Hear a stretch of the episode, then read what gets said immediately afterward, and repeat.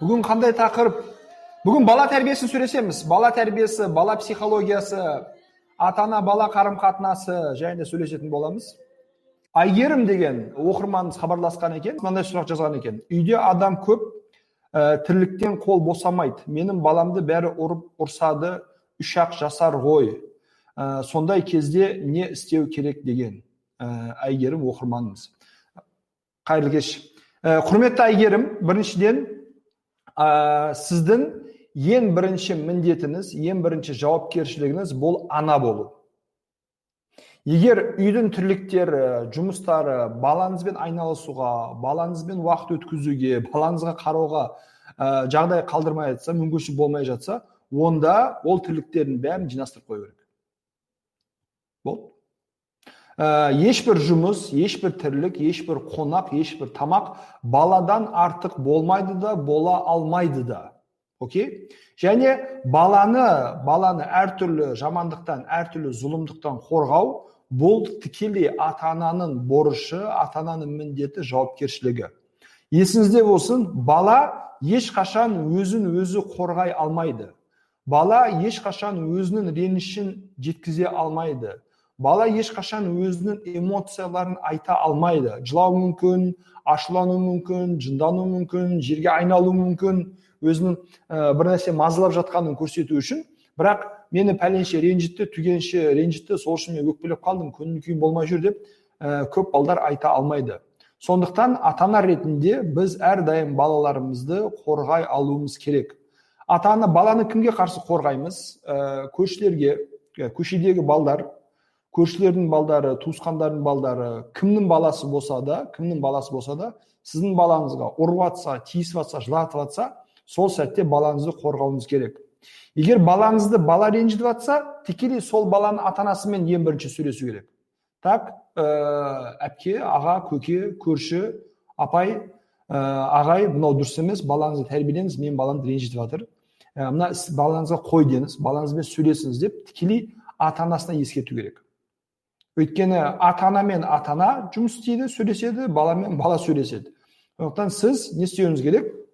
Балаңызды ренжіткен баланың ата анасымен тікелей барып жағдайдың бәрін түсіндіріп айтып ескертіп өзінің баласына қой деуді талап етуіңіз керек. Яғни сұрау өтініш жасау емес тікелей талап етіп айтуыңыз керек ә, балаңызға ешкім қысым көрсетпесін балаңызды ешкім ренжітпесін. Ал үйдегі тірлік оның барлығын ә, делегировать етуді үйреніңіз. Делегировать ету ол ә, жұмыстарды бөлісу мысалға сіз күніне күніне как минимум екі сағат баламен жеке уақыт өткізуіңіз керек. Как минимум екі сағат баламен жеке уақыт өткізу керек. Значит сіздің тәулігіңізде қалған жұмыстармен айналысуға 24 сағат уақытыңыз бар. Соны бір жеті сегіз сағат ұйықтасаңыз бір екі сағат ә, тамақ жемей өтетін болса қалған уақыттарда өзіңіздің жеке шаруаларыңыз қонақ күту тірлік жасау жұмыс істеу сонымен айналысуға болады. Ал қашан сол сондай жұмыстар сізді негізгі ә, жауапкершілігіңізден яғни ана болу жауапкершілігінен ә, ал, ал, алшақтайтын болса онда сол жерде сол жұмысты қою керек тастау керек. Ә, қазан күйіп кетсе тамақ күйіп кетсе қонақтар бір 15 минут кеш шайларын алса ештеңе кетпейді. Бірақ балаға ә, ренжіген кезде жылаған кезде ә, травма алған кезде моментальный көмек керек моментальный. Яғни жылады ма әр жылаған кезде баланың алдына жүгіру керек қасына бару керек қолдау көрсету керек баланы жұбату керек және баланы ренжітетін адамдардан тирандардан қорғау керек екіншісі баланы үлкендерден қорғау керек үлкендер ересек адамдардан қорғау керек баланы балағаттау боғау балаға боғау сөз айту баланы оскорблять ету баланы төмен балаға айқайлау бұл кім болса да яғни күйеуіңіз болса да әйеліңіз болса да ата әжеңіз болса да қонақтар болса да көршілер болса да туыстар болса да барлығына қарсы осындай қате әрекеттер әрекеттерінен ә, балаңызды қорғауыңыз керек. Сол жерде ана ретінде ә, әже былай айтпаңыз апа былай істемеңіз. Күйеуіңіз болса олай балаға айқайлатпа айқайлама көшедегі біреу болатын болса ағай апай қойыңыз не істеп жатсыз? Былай дұрыс емес деп ескертіп балаңызды барлығынан қорғай алуыңыз керек. Ә, бұл не үшін маңызды? Бұны жасаған кезде бала ешқашан андай бір постоянно ата анасы қорғап отыратын бір маменький сыночек болып қалмайды. Одан еш қорықпаңыз оны еш уайымдамаңыз. Бірақ баланың анасына деген ата анасына деген сенім артады.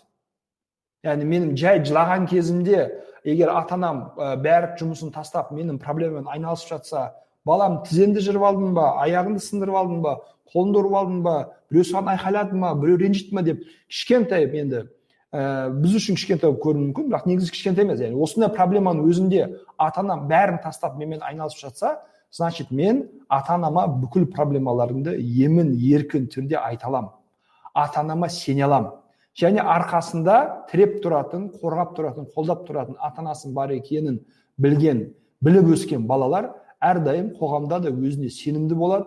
Және өзіне зиян келтіруі мүмкін барлық ересектерге қарсы тұра алады. Ә, мынандай нәрсе болып жатыр да мысалға сіз балаңыздың біреу тарапынан ренжітіліп жатқанын көріп тұрып оны қорғап қолдауыңыз балаға сіз жоқ кезде өзін қорғай алу иммунитетін қалыптастырады. Өзін қорғай алу ерік жігерін қалыптастырады.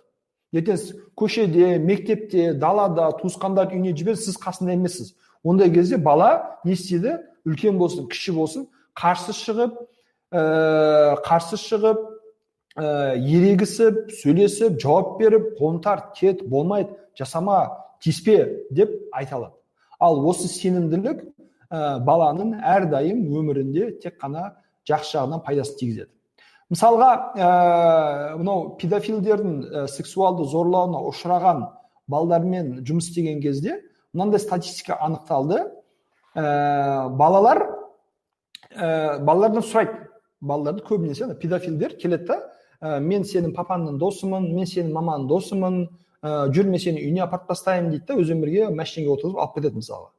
И таң қалады. Балаға айтады мен таң қалады да бала көбінесе адам бар жерде жүреді. Мектепке барады адам бар көшеге шығады адам бар далаға шығады адам бар. Бала ешқашан айдалада ешкім жоқ жерде жалғыз басымен жүрмейді. Жүрмеу керек по крайней мере. Вот. Бірақ көпшілік жерден қалай бала ә, осындай нәрсеге жем болып қала береді? Неге айқайламадың деп сұрайды баладан? Сен анау дядя шақырған кезде неге айқайламадың? Неге қасындағы адамдар көмекке шақырмадың? Неге өз өзіңді қорғамадың деп айтқан кезде ә, балдардың 80 пайыз балдардың жауап бергені ол аға маған қабағын түйіп ұрысты дейді. Сначала кәмпит беремін папан жіберді маман жіберді жүр апарып тастайын деп алдады. Мен жоқ жоқ жоқ деп қорқып тұрдым. Одан кейін ей иттің баласы отыр дедім мысалы машинеге осыны айтқан кезде мен дейді әкемді есіме түсірдім. Әкем де солай сөйлейтін әкем де солай айқайлайтын әкем де солай ұрсатын. Сондықтан мен әкемді есіме түсірдім да сөйтіп автоматически психологически парализованность болып қалады. Парализован болып қалдым да өйстіп қараған кезде өйстіп айқайлаған кезде өйстіп ұрысқан кезде мойынсыну керек айтқанын істеу керек бару керек деп сол мен бардым. Хотя а деп сәл бір айқайлап жіберсе бүкіл ересектер қарай алады. Сондықтан бала көз алдыңызда болған кезде максимально любой адамға қарсы оны қорғау керек. Сол арқылы баланың өзі қалған кезде жалғыз болған кезде өзін өзін қорғай иммунитеті қалыптасатын болады. Окей? Сізге дайректке жазған едім жауабыңызды күтіп отырмын. Енді по очереди дайректке келген сұрақтарды оқып жатырмыз. Бұйырса үлгергенше жауап беруге ә, тырысамыз. Окей? Ә, рахмет. Рахмет. Ә, келесі сұрақ. Ә, құрметті ютубтағы көрермендер сіздерден өтініш. Енді кішкене үйреніп жатсыздар енді енді мен де енді енді үйреніп жатырмын. Сол үшін мен сізге үйретіп үйретіп айтып қояйын. Ә, экранның үстінде бізде мысалы қанша адам қатысып тұрғаны және қанша лайк басып тұрғанын көріп тұр. Мүмкін болғанша анау саусақшаны басып басып қойыңыздар лайктар көбейсін. Лайктар көбейген сайын басқа оқырмандардың осы эфирді табу оңай болады. Басқа оқырмандардың осы эфирді көре алу оңайырақ болады. Сондықтан сіздерден өтініш егер ұнатып жатсаңыз әрине егер ұнатып жатсаңыз пайдалы болып жатыр десеңіздер осы лайкты әрдайым басып отыру керек басып отырыңыздар окей? Ә, инстаграмда лайктар жауып жатыр жауып жатыр. Сіздерге рахмет. Қандай тақырып? Тақырып бала тәрбиесі. Бала тәрбиесі туралы сөйлесіп жатырмыз. Ә, құрметті инстаграмдағы оқырмандар біздің негізгі трансляциямыз YouTube каналымызда болып жатыр.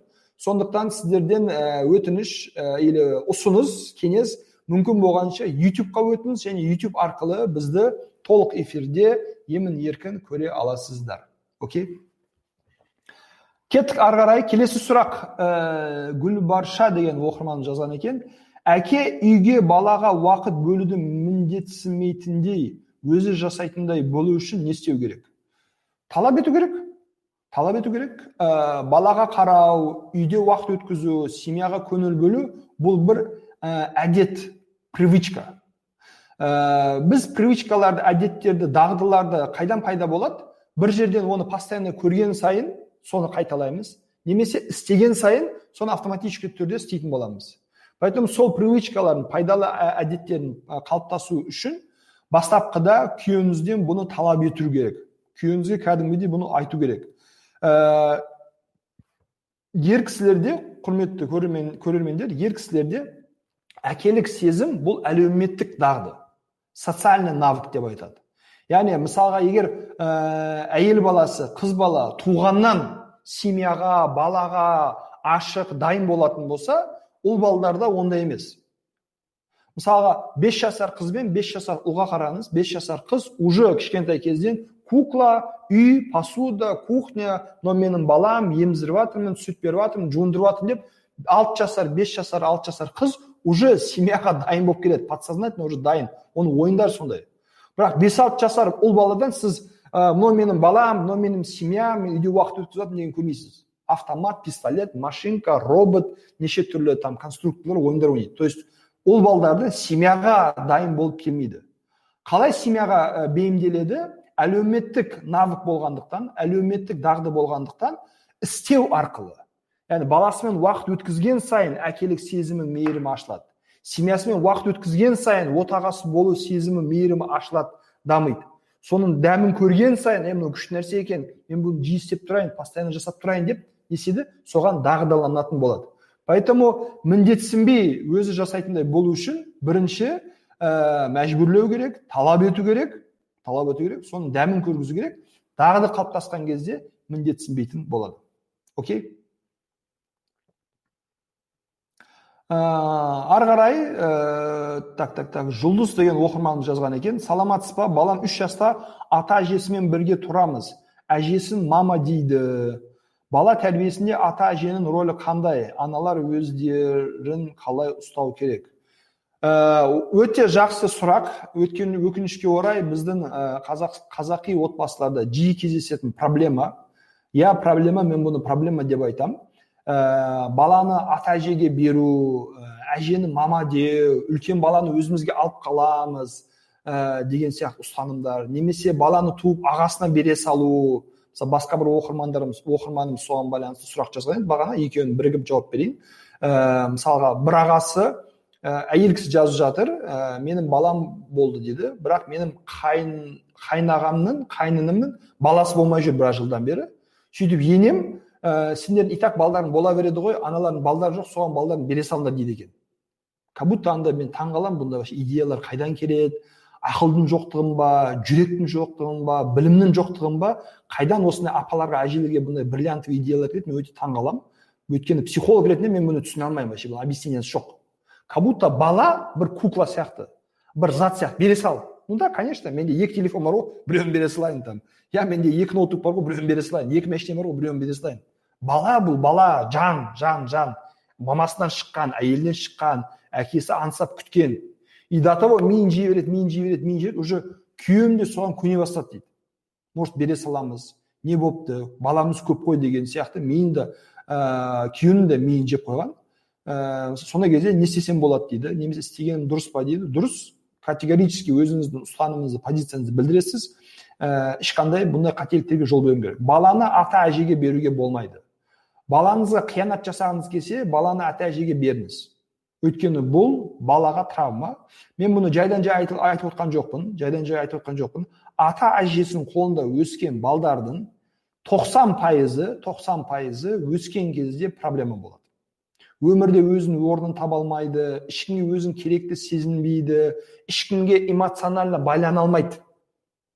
Өйткені кішкентай кезінде әжесінің қолында жүрді. Енді әжесі бірақ мамасы емес. Мына жерде мамасы әкесі бар бірақ олар андай брат сестра сияқты дядя тетя сияқты оларға ана әке деп мейірім баса алмайды. Сөйтіп кішкентай кезінде бала кезінде осындай эмоционалды қарым қатынастар байланыстар связьдар қалыптаспағандықтан бұл кісілер өскен кезде проблема. Менің клиенттерім қаншасын қарайсыз сәл балалық шағын зерделесең әжемнің қолында өстім атаның қолында өстім әженің баласы болдым атаның баласы болдым деген сөздерден шығады. Қазіргі таңда әйелмен дұрыс қарым қатынас құра алмайды балалармен дұрыс қарым қатынас құра алмайды отбасы қарым қатынаста проблема. Жалпы өмірде өзінің орнын табуға өзінің орнын белгілеуге қиналып жатыр. Өйткені кішкентай кезінде өзінің орны нақтыланбаған. Мен немеремін ба баламын ба бала болсам әжем қалай менің мамам болып жүр? мына кісі менің туса неге менің мамам емес? одан кейін садикке барады қарайды жұрттың мамалары ә, там білмеймін жиырма жиырма бес жасар отыз жасар отыз бес жасар менің мамам там жетпіс жасар алпыс жасар үлкен кісі қалай осындай бір резонанс болады? өскен сайын оказывается мама деп жүрген адам негізі әже екен. Ә, мына жерде тетя деп жүрген әпке деп жүрген кісі негізі мамам екен. екеуі де мені бүкіл бала шағымда алдаған екен өтірік айтқан екен деп еще больше ренжиді еще больше қалады еще больше өкпелейді поэтому ә, ни в коем случае ни в коем случае ә, аттарын ауыстыруға болмайды. Әжені әже дейді ананы ана дейді. Анасымен анасы сияқты қарым қатынас құрады әжесімен әжесі сияқты қарым қатынас құрады. Және бала тәрбиесіне баланың болашағына баланың психикасына ең бірінші жауапты ата ана ең бірінші жауапты ата ана әжесінің баласы ол тәрбиелейді атасының баласы ол тәрбиелейді емес. Ә, олар тәрбиелей алмайды олар тәрбиелей алмайды. Өйткені психологиялық тұрғыдан восприятие басқаша қабылдау басқаша. Яғни ол ешқашан балам деп қарамайды немерем деп қарайды. Немерем деп қарағанда қаншалықты балам десе де немерем деп қарағандықтан ата әжелердің ә, немересіне көзқарасы көбінесе андай. Ә, развлекательное отношение. Қыдырт жүгірт иіске құшақта сүй бауырына бас сол ал баланы сабақ оқыту садикке апару кірін жуу ә, тәрбиелеу дисциплина ұстану ә, қолдау көрсету оның заман талабына сай баламен сөйлесе алу гаджеттерді түсіне алу қазір ә, карантиннің кесірінен онлайн дистанционный обучениемен айналысу оны жасамайды мен байқаған ә, мен клиенттерден естіген жалпы маған дайректке де қаншама хаттар болған байланысты ә, жиі келіп тұрады. Яғни әжесінің істейтін нәрсесі тек қана баланы еркелету жақсы көру болды. И то в свое удовольствие в свое удовольствие. Одан кейін балаға ә, өте көп сүйіспеншілік махаббат бергендіктен манипуляция басталады. Сен кімнің қызысың? Сен менің қызым емессің ба? А менің қызым олай істейді ма? А жоқ жоқ жоқ жоқ оған барма не сен маманды құшақтап жатрсың ба? Жоқ ойбай сен менің қызымсың ғой қой маманды құшақтама ол маман емес саған. Өздеріне бала туып алсын. Деген сияқты андай бір ә, ойланбай айтылып баланы психологиялық тұрғыдан травмировать ететін сөздерді жиі айтады. Поэтому восприятие әртүрлі болғандықтан әже ешқашан балаға ана сияқты қаралмайды. Әркім өз орнын білу керек және өз позициясында ұстану керек. Анда санда ата әжесімен болады олар еркелетеді тәрбиелейді қарайды. Бірақ анасы бар екенін білет, көп нәрсені барлық нәрсені анасына рұқсат алу керек екенін білет көп нәрсені ата анасымен келісіп жасау керек екенін білет, бірақ ата әжесі туысқандарына тек қана қонаққа бару көру араласу сыйлық алып тұру сүйіспеншілікке бөліну ә, сондай ғана позицияларда болуы мүмкін а так рұқсат алу және авторитет тұрғысынан тек қана ата ана болу керек яғни әжеммен келісіп алдым болды мен кеттім қалған нәрсені істеймін әке шешесін сұрамау ата анасының айтқанын істемеу бұл мүлдем дұрыс емес ә, не дегенмен олар қарт кісілер көп жағдайларды түсіне бермейді біле бермейді ә, балаға жақсылық жасаймыз дейді. Бірақ негізі өте үлкен зиян тигізіп жатыр. Окей? Ә, бұны мына жағынан түсіндіріп кету керек. Ә, енді оқырмандар жазады айтып жатыр. Енді бұл қазақтың салт дәстүрі ғой қайдан қалыптасты сонда біздің ата бабаларымыз осынша жыл бойы психология білмеген ба бәрін травмировать еткен ба дұрыс емес істеген ба деген ұстанымдар бар. Ә, бұған мен психолог ретінде мынандай талдау жасаймын біріншіден бұрынғы кезде бұрынғы кезде яғни ә, ата әжелердің ата анадан жас айырмашылығы үлкен болмайтын. 15-16 жасында үйленіп, үйленіп баласы болады мысалға. Получается ата әже 30-35 жасында. 15-16 жасында әлі бала болып жүрген кісілерге бала тәрбиесіне байланысты ат салысу көмектесу жағдай жасасу оңай болатын еді. Бұл біріншісі. Екіншісі ә, көбінесе ауыл ауыл көшіп жүргендіктен тайпа тайпа ру ру өмір сүргендіктен белгілі бір ә, определенный бір комьюнити дейді бір сообществоның ішінде постоянно болғандықтан бәрі бір бірін көріп тұратын. То есть бір киіз үйде тұрамыз сен әже боласың апа боласың ата ата ана боласың уже бәрі бірге болғандықтан ондай қатты бір границалар бөлінбейтін қатты границалар сезілмейтін. Одан кейін ә, бұрын бала көп болғандықтан физически физически әйел кісі ер кісі бес бала алты бала сегіз бала он бала қарауға мүмкіншілігі келмейтін. Сондықтан баласы жоқтарға міне саған там на новый год подарок бір балаға. Саған подарок бір қыз. Ата әжеге бір біреуден беріп қоясың да как то бір разгрузка жасау. То олар қасында бір коммунити өмір сүреді. Жеңілдету үшін жасалынып сондай методикалар қолданатын. Қазір заман ондай емес. Құдайға шүкір технологияның дамуы арқасында қоғамның дамуы арқасында мәдениеттің дамуы арқасында қазір бір әйел спокойно бес алты балаға қарай алады. Қазір бізде ондай он он бес семья он он бес балалы семьялар да жоқ. Құдайға шүкір сіз көмекші жалдай аласыз. Құдайға шүкір бала қарау қазір мысалға посудомоечный машинка бар стиральный машинка бар пылесос бар үйге ыстық су мұздай су салқын су бәрі келіп жүр. Азаннан кешке дейін мал бағу керек емес сүт сауу керек емес егінде жұмыс істеудің керек емес. Тек қана балаға қара баламен айналыс баламен уақыт өткіз болды. Сондықтан сол әрекеттер қазіргі заман талабында ол кезде балда адамдар психологиялық травма алды ма? Алды. Алды. Мен сто процент гарантия бере аламын. Алды. Бірақ выход болған жоқ амал болған жоқ. Қазір заман ондай емес. Сондықтан әрбір мен всегда мына ұстанымда боламын. Әрбір салт дәстүрді әрбір традицияны және дінді заман талабына сай ұстану керек. Заман талабына сай заман талабына келмейді ма? Оны или апдейт жасау керек жаңарту керек или уже андай срок өтіп кеткен ә, заттар сияқты қоғам қоғамда қол, қоғамдық қолданыстан шығарып тастау керек. Адамдар өмірін қиындатудың керегі жоқ. Окей? Иә иә иә иә иә көп рахмет құрметті көрермендер. Мына жақта комментарийлер келіп жатыр жазылып жатыр. Ә, келесі сұрақ. Шынар деген оқырманымыз жазған екен бала екі жаста өзіне қызықты бар ойыншықты бауырынан қызғанып алып қоя береді. Не істеу керек? Ештеңе істемеу керек. Ә, өйткені екі жаста үш жас төрт жас ә, баланың жастағы балдарда енді енді мен деген сезім қалыптасып жатыр эго пайда болып жатыр. Поэтому барлық нәрсені менікі болсын деп қалайды. Сондықтан бұл жерде бұл баланың әрекеті бір қателік бір кемшілік бір проблема емес. Наоборот сол мен деген сезімнің қалыптасуына жағдай жасау керек атсалысу керек. Өйткені мен дегенді білген менікі дегенді білген адам сен және сенікі дегенді де ертең білетін болады. Ал мен менікі дегенді білмейтін адамдар ертең сен сенікін де білмейді. Барлық нәрсе общий барлық нәрсе ортақ барлық нәрсені көре береміз істей береміз жасай береміз дейді. Апыр топыр мысалға ондай әрекеттер жасап жүре береді. Ә, бұл ә, дұрыс емес. Поэтому ә, ештеңе істемеу керек. Ал ә, бауырынан қызғанып ойыншық алып қоятын болса әр балаға жеке жеке бөлек бөлек ойыншық алыңыз. Бұрын біздің ә, кезіміз біздің бала кезімізде ә, біздің ата аналар біздің ата аналарымыздың құрдастары не істейтін еді?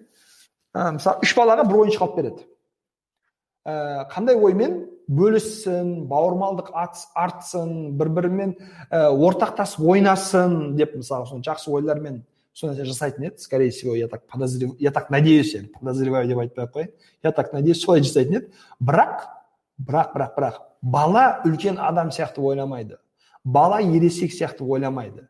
Және бала ортада бірінші ойыншық көрген балалар міндетті түрде сол ойыншыққа таласады да төбелеседі де. Поэтому балалардың арасында лишний раз әсіресе туған бауырлардың арасында лишний раз конфликт туындатпау үшін әрдайым әр баланың өзінің жеке ойыншығы болу керек. Әр баланың өзінің жеке ручкасы жеке дәптері жеке ә, карандашы жеке фломастері әр адам жеке болу керек. Сол кезде бұл вот, бұл вот осы индивидуальный подход. Осы индивидуально баламен айналысуды білдіреді. Поэтому осындай индивидуальный подходтарды дамыту керек. Сол кезде мысалға анадан неге алғысы келеді? Өйткені менде жоқ. Ал менде болса мен таласпайтын едім ұрмайтын едім. Значит ананың өзінің ойыншығы болу керек менің өзім ойыншығым болу керек. Ә, сол немесе бірдей ойыншық болса да бірдей ойыншық болса да мысалы бірдей машинка ма үшеуіне де бір бір машинкадан беріп қойыңыз. Сол кезде бір біріне ә, қызықпайды. Сол кезде бір біріне ә, қызықпайды және қызғанбайды и төбелес конфликтті алдын алған боласыз. Ә, кемпір шалға бала беруді травмалауды тоқтатуды туралы айтыңызшы. Айттық. Ер бала өте ұян өз ойын ашық айтпайды. Төбелеске мүлдем жоқ не істеу керек? Ештеңе істемеу керек. Ер баланың андай бір нормально развитиясының белгісі ә, біздің қоғамымызда андай төбелескіш болуы сөз қайтаруы өзін өзін ұстай алуы боевик болуы кішкене бандиттеу болса о мужик еркек ол молодец! деп қоямыз да. Олай болмаса сразу уже қорқа бастаймыз мынау неге төбелеспейді неге айқайласпайды неге андай емес неге мындай емес деп біртүрлі қарай бастаймыз.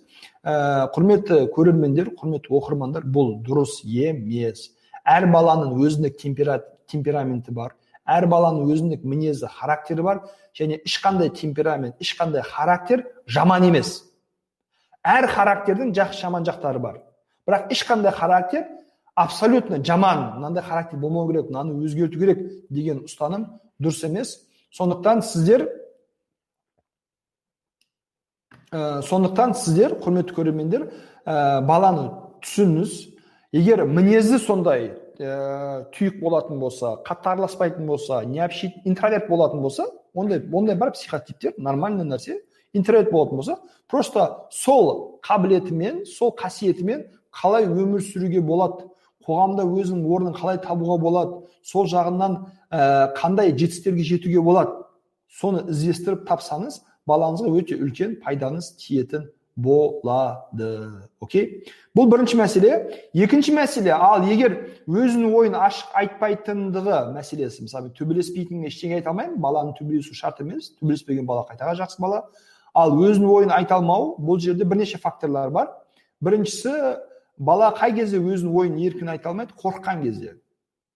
Егер семьяда қорқу факторы болатын болса немесе ұялдыру факторы бір нәрсе айтасың бәрі ха деп күледі. Бәрі саған мазақтайды. Ойбой сөйтіп айттың ба? Не қойшы ұят емес па не деп жатрсың ой ха ха ха деп мазақтайтын болса немесе е не деп жатрсың аузыңды жап оттай берме деген подходтар болатын болса қорқу және ұялдыру факторы болатын болса бала сол ортада сол жерде өзінің ойын еркін айтпайды. Бұл үй болуы мүмкін бұл көше болуы мүмкін бұл қонақ болуы мүмкін бұл мектеп те болуы мүмкін.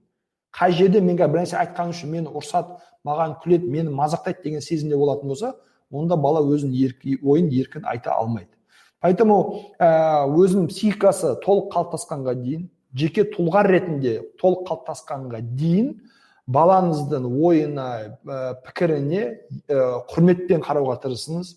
Самый даже андай идиотский самый глупый самый нефтемный самый сказочный әңгімелердің өздерін а сондай ма? Тағы не болды? Одан кейін не істедің? М күшті екен көбірек айтып маған. Мына жағын түсінбей қалдым. Сөйтіп болды ма? Шынымен ба қойшы деп кәдімгідей бір қызығушылық шынайы қызығушылық білдіріп тыңдауға тырысыңыз. Сол кезде бала менің ойым маңызды менің пікірім маңызды мен өз ойымды пікірімді еркін айтуға лайықтымын бұны маған ата анам көрсетіп тұр дейді да қоғамдық жерде өзінің ойын пікірін еркін айтатын болады. Окей? Жақсы. Ары қарай. Ә, так так мына жерде тағы қандай сұрақ келген екен?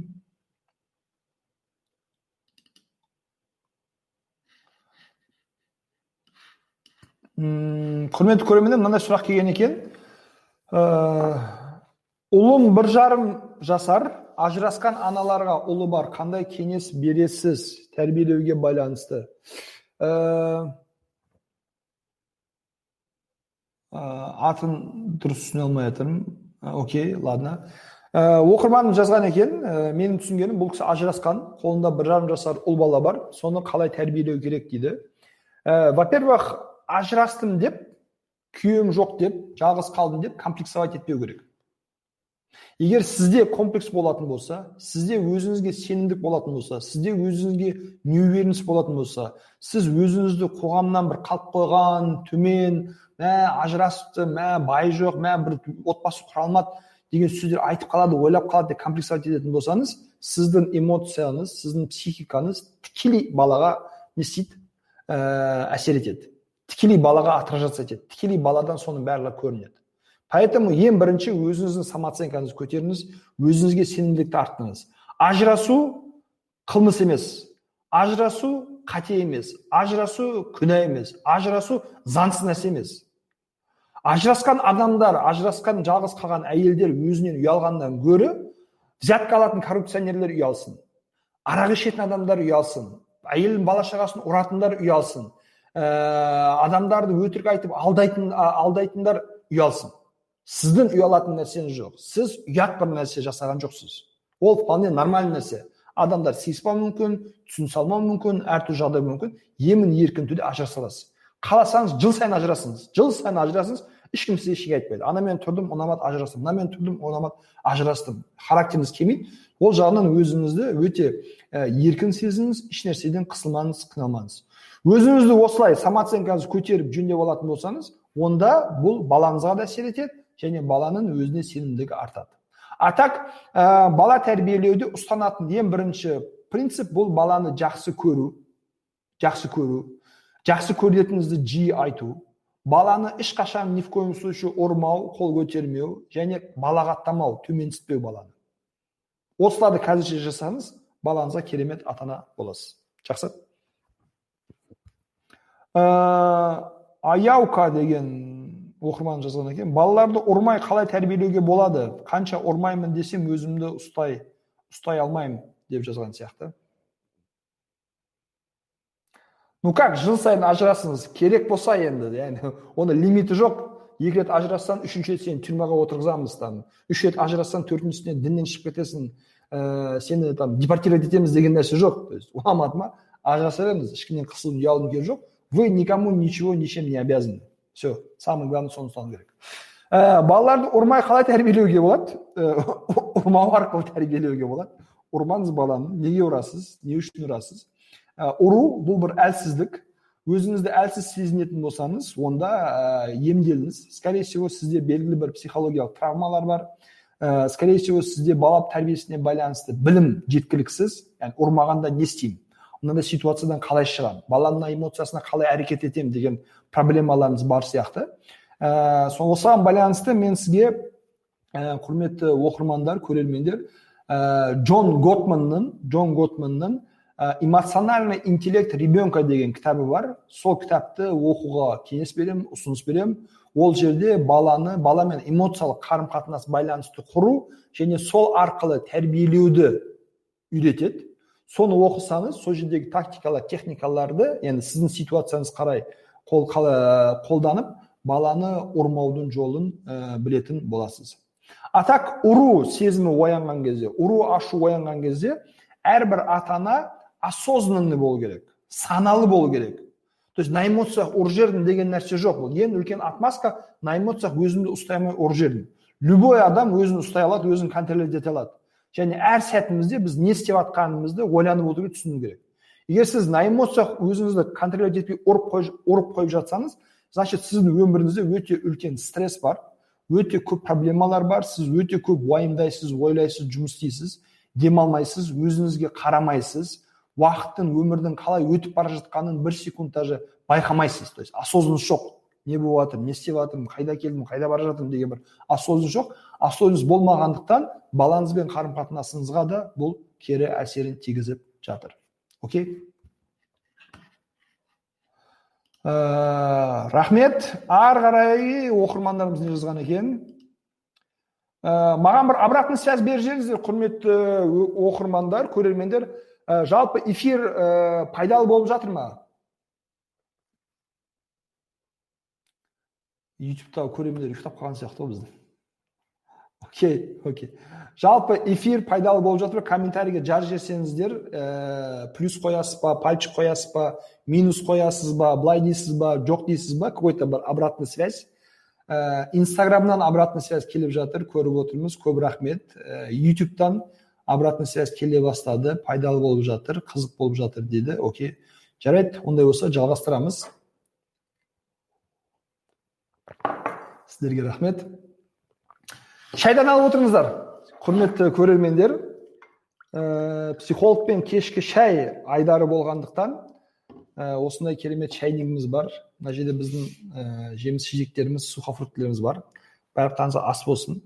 Осылай шайымызды ішіп сұрақтарға жауап беріп талқылайтын боламыз. Ә, құрметті оқырмандар мен ә, жалпы мені тыңдайтын мені оқитын адамдардың аудиториямның өте білімді ә, өте көреген деп білемін деп сенемін барлықтарыңызды. Сондықтан ә, сіздің ойларыңыз пікірлеріңіз мен үшін өте маңызды. Егер мен ә, оқыған сұрақтарға байланысты сіздің жеке рахмет шай тәтті болсын дейді. Шай ішіп отырсыз ба керемет. О алмеке ассалаумағалейкум.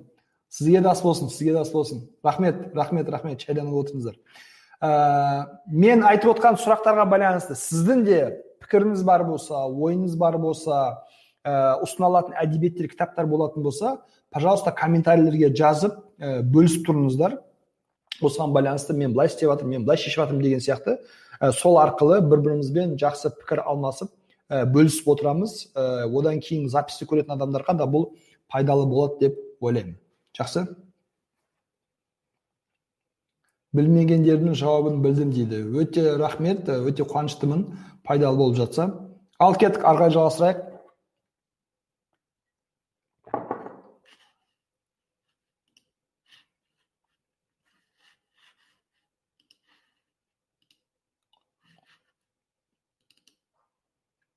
Ә, так мынаны оқыдық.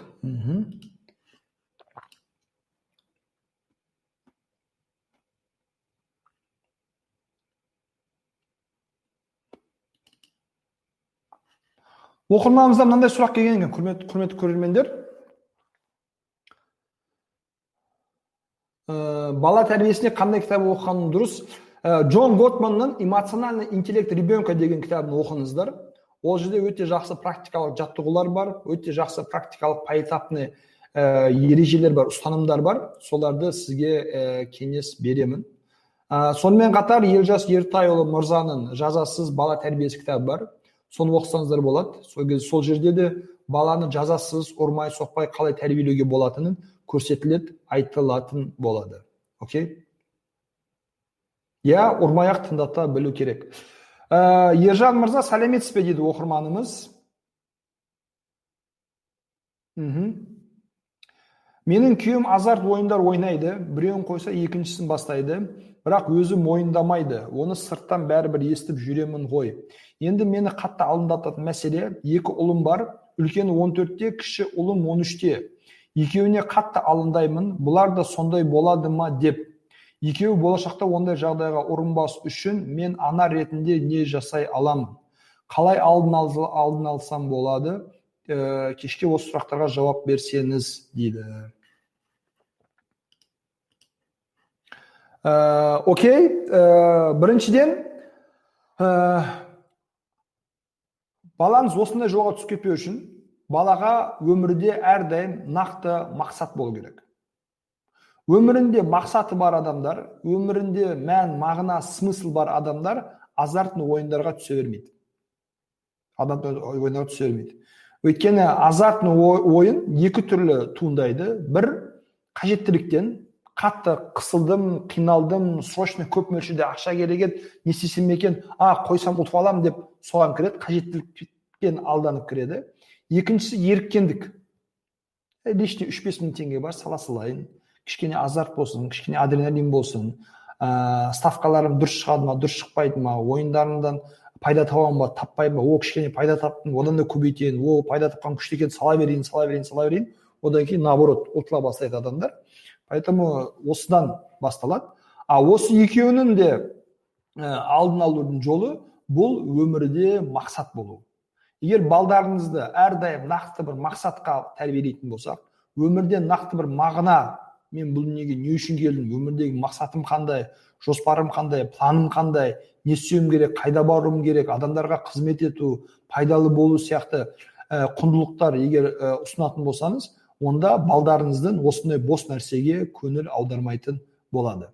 Ә, зерттеулерге сүйенетін болсақ мысалға ә, волонтерлықпен айналысқан кісілер ә, өзінің құрбыларына қараған кезде сегіз он жылға қателеспесем артық өмір сүреді.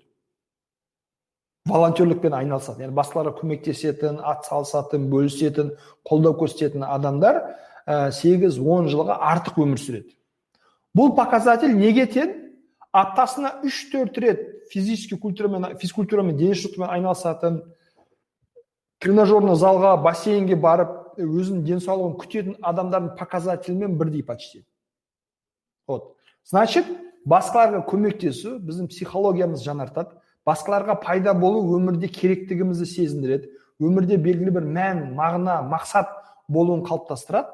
Ә, осы тұрғыда балаңызды тәрбиелейтін болсаңыз онда осы азартный ойындардың көбісінен алдын алуға болады. Ә, қайырымдылық жасау адамдарға көмектесу ә, оқу білім алу және оқуды білімді ә, жай әшейін бір дипломым болсын жай әшейін бір мектепті бітірген болайын емес нақты баланың қызығатын нақты бала ұнататын ә, бағытта оқыту. Ма, маған ә, мысалға математика қызық емес маған биология қызық десе жоқ бала математикада керек оқу емес. Биология қызық па? Окей давай биологияны дамытайық биологияға репетитор алайық биология жағынан күшейтейік биологияға байланысты қосымша әдебиет алайық деп баланың қызығып жатқан нәрсесін арттырып дамыту керек. Біз баланың қызығушылықтарын қарамаймыз баланың ой пікірімен интерестерімен санаспаймыз әртүрлі нәрсеге тықпыштай береміз одан кейін баланың ештеңеге қызығушылығы қалмайды. Вот солай жасамас үшін баланың ойымен санасу қызығушылықтарын қолдау қызыққан нәрсесіне мотивация беру. Сол кезде баланың өмірінде мән болады мақсат болады азарт та болады қызығушылық та болады. И осындай бос нәрсемен айналыспайтын болады. И ә, екіншісі енді күйеуіңіз зависимостьтің қандай стадиясында қандай жағдайда екенін білмеймін. Осыған байланысты негізі жақсы бір психологқа жеке консультация жазылсаңыз ә, жақсы болар еді. Сондай кеңес беремін. Өйткені егер балалар уже 13 12 14 жас болғандықтан уже көретін түсінетін жаста поэтому осы жаста барып егер ә, әкелердің осындай әрекеттерін көретін болса еститін болса білетін болса бұл ә, бір ә, әкесіне деген ә, сый құрмет сүйіспеншілікті төмендетеді. Ой әкеміз оказывается там жай әшейін жүрген біреу екен ғой дейді. Екіншісі өздері сондай бір азартный ойын ойнайтын ситуацияға кіріп қалған кезде сондай бір ортаға түсіп қалған кезде е ничего страшного әкем де ойнайтын еді ғой мен де ойнай салайын дейді. То есть жаман үлгіні көрді ғой. Жаман үлгіні көргеннен кейін оны қайталау ықтималы өте жоғары болады. Поэтому егер қатты қиын болып жатса күйеуіңізді емдеңіз емделмеймін дейтін болса түзелмеймін дейтін болса онда балдардың болашағы мүмкін ажырасу варианттарын да қарастырған жөн болар. Окей? Кеттік ары қарай құрметті достар тағы қандай сұрақтар келген екен?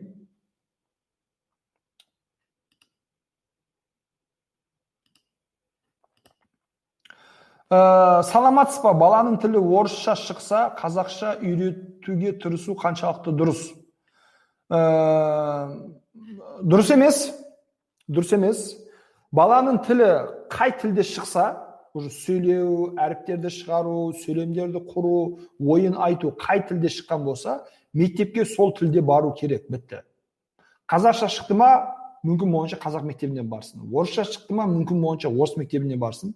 Кейбір кезде біз баламыздың тілі орысша шығады бірақ оны қазақша мектепке беруге тырысамыз. Неге? Ну біз семьямызда мы все обрусевшие хотя бы баламыз қазақша үйренсін давайте его отдадим в казахскую школу. Бірақ тем самым бала үйде постоянно өскен ортасында орысша сөйлеп үйреніп қалған пікірін ойын орысша айтып үйреніп қалған ал мектепке барған кезде үндемейді жауап бере алмайды адамдарды түсінбейді білім ала алмайды және кішкене бір дурачок сияқты ортада жүреді. Балаға ондай психологиялық травма берудің керегі жоқ. Бұл кәдімгідей баланы травмировать етіп жатсыз. Ә, тіл тіл ешқашан тәрбие көрсеткіші емес. Құрметті оқырмандар тіл тәрбие көрсеткіші емес.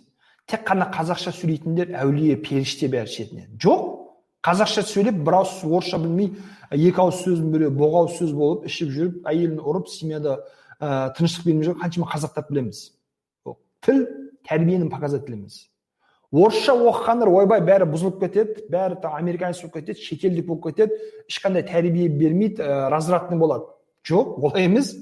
Қазақша білмей орысша сөйлеп ә, керемет патриот өте білімді ғалым ә, дәрігер мұғалім адамдарға пайдасын тигізіп қызмет етіп жүрген қаншама адамдар бар. Вот. Поэтому тіл тәрбиенің показателі емес. Балаға тәрбие беру керек. Тілді өзіне керек өзіне керек жағдайларда үйреніп алады түсініп алады. Сондықтан ә, осы тұрғыдан ә, баланың тілі қай тілде шықса сол тілде мектепке беріңіздер. Ойын ауыстыруға тырысып ортасын ауыстыруға тырысып травмировать етудің керегі жоқ. Окей? Орыс тілділерді қолдамасай дейді. Ә, неге? Орыс тілділерде қандай проблема бар олар? Адам емес па? Олар біздің қазақтар бар ішінде қазақ болмағандар бар ішінде. Біз жалпы қазақстанда өмір сүріп жатырмыз. Ә, зайырлы мемлекетпіз. Ә, демократиялық мемлекеттеміз. Біздің елімізде жүз елуден астам ә, ұлт жүз елуден астам ұлт өкілдері тұратынын ұмытпау керек. Сондықтан барлығымен тату тәтті тіл табысу барлығымен түсінісе алу әрбір ұлттан ә, алатын өте көп жақсы жақтары бар екенін ұмытпауымыз керек. Ә, біздің оларға беретін жақсы жақтарымыз бар екенін ұмытпау керек. Және осы мәселеде максимально ашық болу керек. Ә, біз қайтағандай ә, орыс тілінде сөйлеме дейміз. Ә, орыс тілінде сөйлеме дейміз бірақ баланы мысалға орыс тілін үйрену ағылшын тілін үйрену қытай тілін үйрену испан тілін үйрену түрік тілін үйрену қаншалықты көп тіл білсе бір тіл бір адам екенін қағидасына қарай соншалықты бала дамиды. Ой өрісі ашылады көзі ашылады және ә, халқына адамдарға қызмет ететін болады. Окей? Ары қарай. Уақытты қарап қояйық. Осы тұрғыда. Мынандай қызық сұрақ келді құрметті оқырмандар. Ә, хат ұзақ негізі. Мен қысқаша айтып берейін сіздерге. Ә, біздің оқырманымыз ә, үйленген үйленген баласы үйде үйдің жалғыз несі. Ә, мамасы қазақша папасы орысша болса ештеңе кетпейді. Бала екеуімен де тіл табыса алады сөйлесе алады. Қайтаға параллельно екі тілде де еркін сөйлеу екі тілді автоматически үйрену мүмкіншілігі пайда болады. Егер мамасы қазақша папасы орысша мамасы қазақша сөйлеп еще барып англияда америкада өмір сүрсеңіз параллельно бала үш тілді үйрене алады. Бұл бала үшін ешқандай нагрузка емес. Баланың миы ашық тынық таза. Ол бір сәтте төрт бес тілді үйрене алады сөйлесе алады миы өте еркін переключаться ете алады. Поэтому проблема жоқ. Иә. Иә бағана жалғыз ұлмен үйленген сөйтіп енді ол күйеуі қайтыс болды. Қайтыс болғаннан кейін ата енемен әлі күнге дейін жақсы қарым қатынастамын дейді. Енді ә, балдарынан қалған ә, жалғыз ұрпақ болғандықтан немерелерін өте қатты жақсы көреді. Немере қыз қателеспесем. Ә, немерелерін өте қатты жақсы көреді. Ә, немерелеріне үй әпереді ә, жағдай жасайды ә, ақша береді көмектеседі. Постоянно немеремен уақыт өткізгісі келеді. Ә, және ә, бұл оқырманымыз енді күйеуі қайтыс болды. Ә, қыз әлі жас қолында бірақ баласы бар.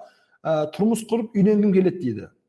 Және осыған байланысты енесімен бөліседі. Енді мен ә, айып етпесеңіз рұқсат болса қарсы болмасаңыз тұрмыс құрайын деген едім үйленейін деген едім дейді да. Сөйтіп ә, мынандай жағдай болған екен. Тұрмыс құру туралы енеммен сөйлескенде тұрмыс құрған ер азамат қызына әкелік емес еркектік көзқараспен қарайды деп айтты. Яғни енесі получается енді баласы қайтыс болды келін бывший келіні ғой болды. Ә, қайтадан тұрмыс құруына қарсы болып жатыр екен. Үйленсең ә, сенің үйленетін кісің баланы дұрыс көзбен қарамайды. Ә, зиян келтіруі мүмкін деп қорқытып жатыр. Ә, негізі ә, бұл сөздерде ешқандай негіз жоқ основа жоқ. Яғни ә, үйленетін кезде бүкіл еркектер онда озабоченный бүкіл еркектер извращенец бүкіл еркектер педофилдер бүкіл еркектердің ойында тек қана жыныстық қарым қатынас секс бар басқа ештеңе жоқ деп ойлау бұл негізінен өте үлкен қателік. Білмеймін может айналасында тек қана сондай ер көргендіктен енесі солай айтқан ба ә, түсіну қиын. Бірақ ә, ни в коем случае ондай болуы мүмкін ондай болып қалады деп ә, қорқып өзіңіздің жеке өміріңізді ә, қалыптастыру үйлену тұрмысқа шығуға ә, шығудан бас тартпаңыздар. Бас тартпаңыздар ондай нәрсе жоқ. Ә, туған қыздарым мен өзім практикамда клиенттердің ішінде ә, туған әкесі тарапынан зорланған қыздармен жұмыс істегенмін туған әкесі яғни андай өгей әкесі емес туған әкесі туған қызын зорлаған мен. Енді сондай өте ауыр ситуациялармен кейстермен жұмыс істеген сондай клиенттерім болған. Небір түрлі сырларын небір түрлі осындай оқиғаларды айтады небір түрлі травмалармен жұмыс істейміз. Ә, поэтому яғни туған әкесі керемет күшті періште қалған ер кісілердің бәрі жалмауыз айуан деп ойлау дұрыс емес. Сондықтан емін еркін түрде тұрмыс құрыңыз үйленіңіз бұлар сіздің бывший ата болғандықтан күйеуіңіз қайтыс болғандықтан сіздің олардың алдында ешқандай жауапкершілігіңіз жоқ. Олардан рұқсат алудың да керегі жоқ былай айтқан кезде. Өзіңіз өміріңізді құра беріңіз. Тек қана ата әжесі ретінде немеремен бір қарым қатынасы байланысы бар. Соған байланысты ә, қарым қатынас құруларына кедергі болмауға тырысыңыз жағдай жасауға тырысыңыз. Болды. Атап үйлене беріңіз. И еще хатында былай айтқан екен енесі если что сен қызды бізге тастап кетіп бізге бере сал деп те айтады екен. Ол да дұрыс емес. Ә, сіз екінші рет үйленсеңіз де үшінші рет үйленсеңіз де бала сіздің балаңыз ең жақын сізге ата әжесіне емес. Сондықтан сізбен бірге болу керек. Сіздің бақылауыңызда сіздің қарамағыңызда болу керек. Окей?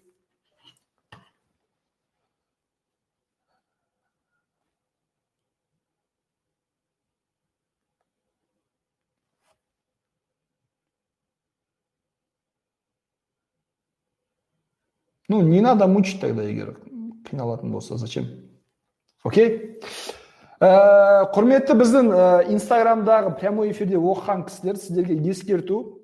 Ә, білесіздер инстаграмда прямой эфир ровно бір сағатпен шектеледі. Яғни ровно елу алпыс минутта өзінен өзі өшіп қалады. Поэтому бірнеше минуттан кейін біздің сізбен қарым қатынасымыз байланысымыз үзіліп қалады. Мен барлықтарыңызға ютубқа өтуге тағы да кеңес беремін. Ютубқа кіріп ержан мырзабаев каналын тауып соған кірсеңіздер сол жерде біздің прямой трансляциямыз шығып тұрады.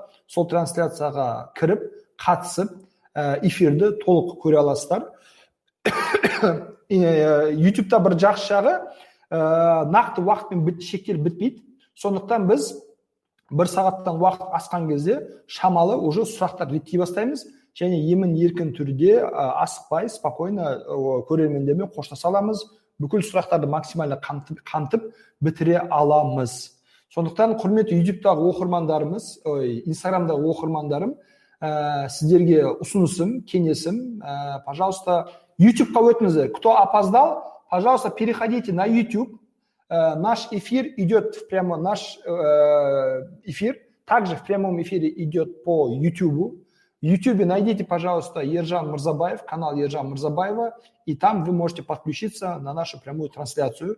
В YouTube ограничений по времени нет, комментарии все видны, очень удобно работать.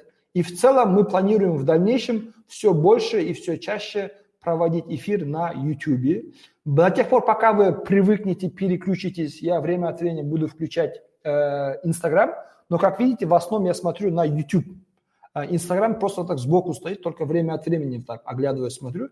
Поэтому я всем э, рекомендую, советую переходить на YouTube. Окей?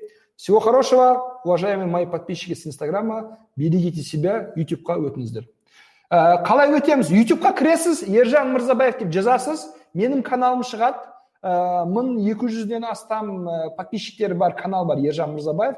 Сол каналға кірген кезде сіз көресіз немесе немесе стористен менің видеоларым ссылкалар бар соған кіріп менің каналыма өте аласыз жақсы көп рахмет пока өзі жиырма секунд қалды ладно өзі біте салды мына жерде ә, құрметті біздің ютубтағы көрермендеріміз кешіресіздер ә, немножко отвлекся біз ары қарай жалғастырайық өте қызық қызық сұрақтар келіп жатыр ә, бұл күндіз менің мына сұрақ карточкама келген сұрақтар сонымен қатар дайректке жазылған сұрақтар ә, әдеттегідей мен ерте қай сұрақ бірінші ерте келетін болса сол сұрақтан бастап жауап беруге тырысамын ә, сондықтан ә, сол сұрақты сол сұрақтардан бірнешеу қалған екен. Соны оқып бітіреміз. Одан кейін комментарийдегі сұрақтарды ә, оқимыз. Ютубта жақсы екен. Конечно әсел әсел деген оқырманымыз келген екен.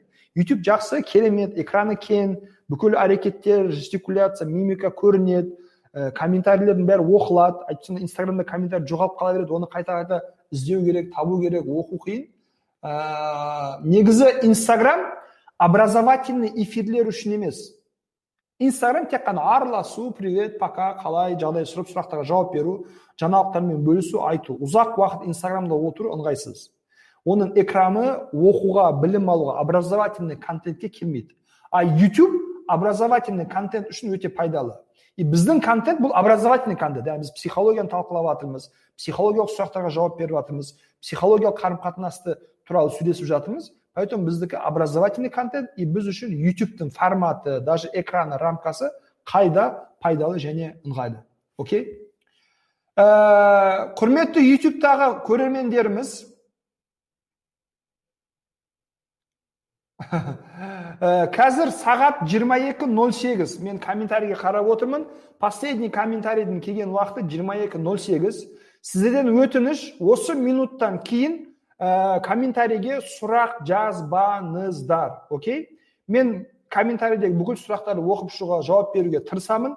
Бірақ мына жиырма екі сегізден кейінгі сұрақтарды уже жауап бере алмаймыз. Өйткені ә, жайлап жайлап эфирімізді аяқтауымыз керек окей? Ә, жекеге келген ә, тағы бір сұрақ. Бұл бұйырса соңғы сұрақ. Иә бұл соңғы сұрақ. Жұлдыз деген оқырман жазған екен. Саламатсыз ба ержан мырза? Саламатсыз ба? Ертеңгі эфир бала тәрбиесі жайлы болғандықтан менде келесі сұрақ бар. Ә, секс sexual health education and relationship туралы балаларға, балаларға білім беру жайында ойыңызбен бөлісе аласыз ба? Қай жаста қалай сөйлесу керек? Не айтып айтпау керек? Жалпы секс education деген тек физиологиялық тұрғыдан емес одан әлде қайда терең тақырып деп түсінемін.